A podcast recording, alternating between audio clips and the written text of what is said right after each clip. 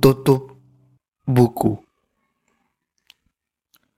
Rangkaian kata menggambarkan cerita lama dalam diari yang kecil dan sederhana.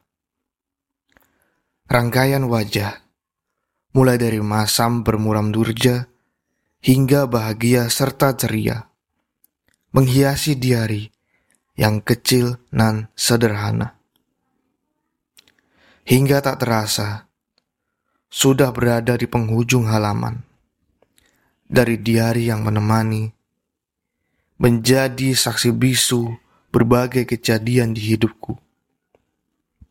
Sudah saatnya tutup buku. Namun, bukan jaga selalu. Semua yang pernah tercatat dalam diari kecil nan sederhanaku.